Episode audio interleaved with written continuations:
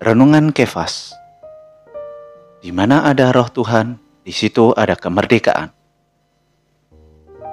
2 Korintus pasal 3 ayat 17 berkata, Sebab Tuhan adalah roh, dan di mana ada roh Tuhan, di situ ada kemerdekaan.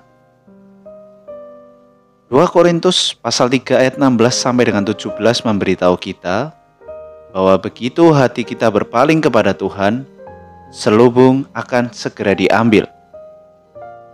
Selain itu, Tuhan adalah roh itu yang akan memberikan kita kemerdekaan. Karena Tuhan adalah roh itu, maka begitu hati kita berpaling kepadanya, selubung itu segera diambil dan hati kita dibebaskan dari belenggu dan kita akan memiliki kemerdekaan di dalam kita melalui melihat terang yang adalah Allah itu sendiri.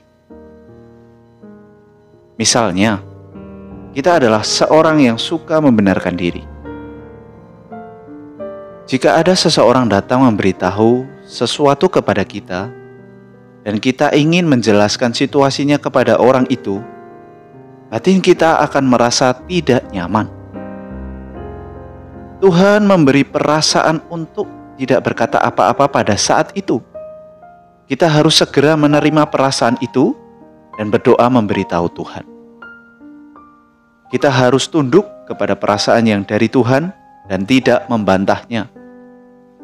Maka Tuhan yang adalah roh akan membebaskan kita di dalam roh kita.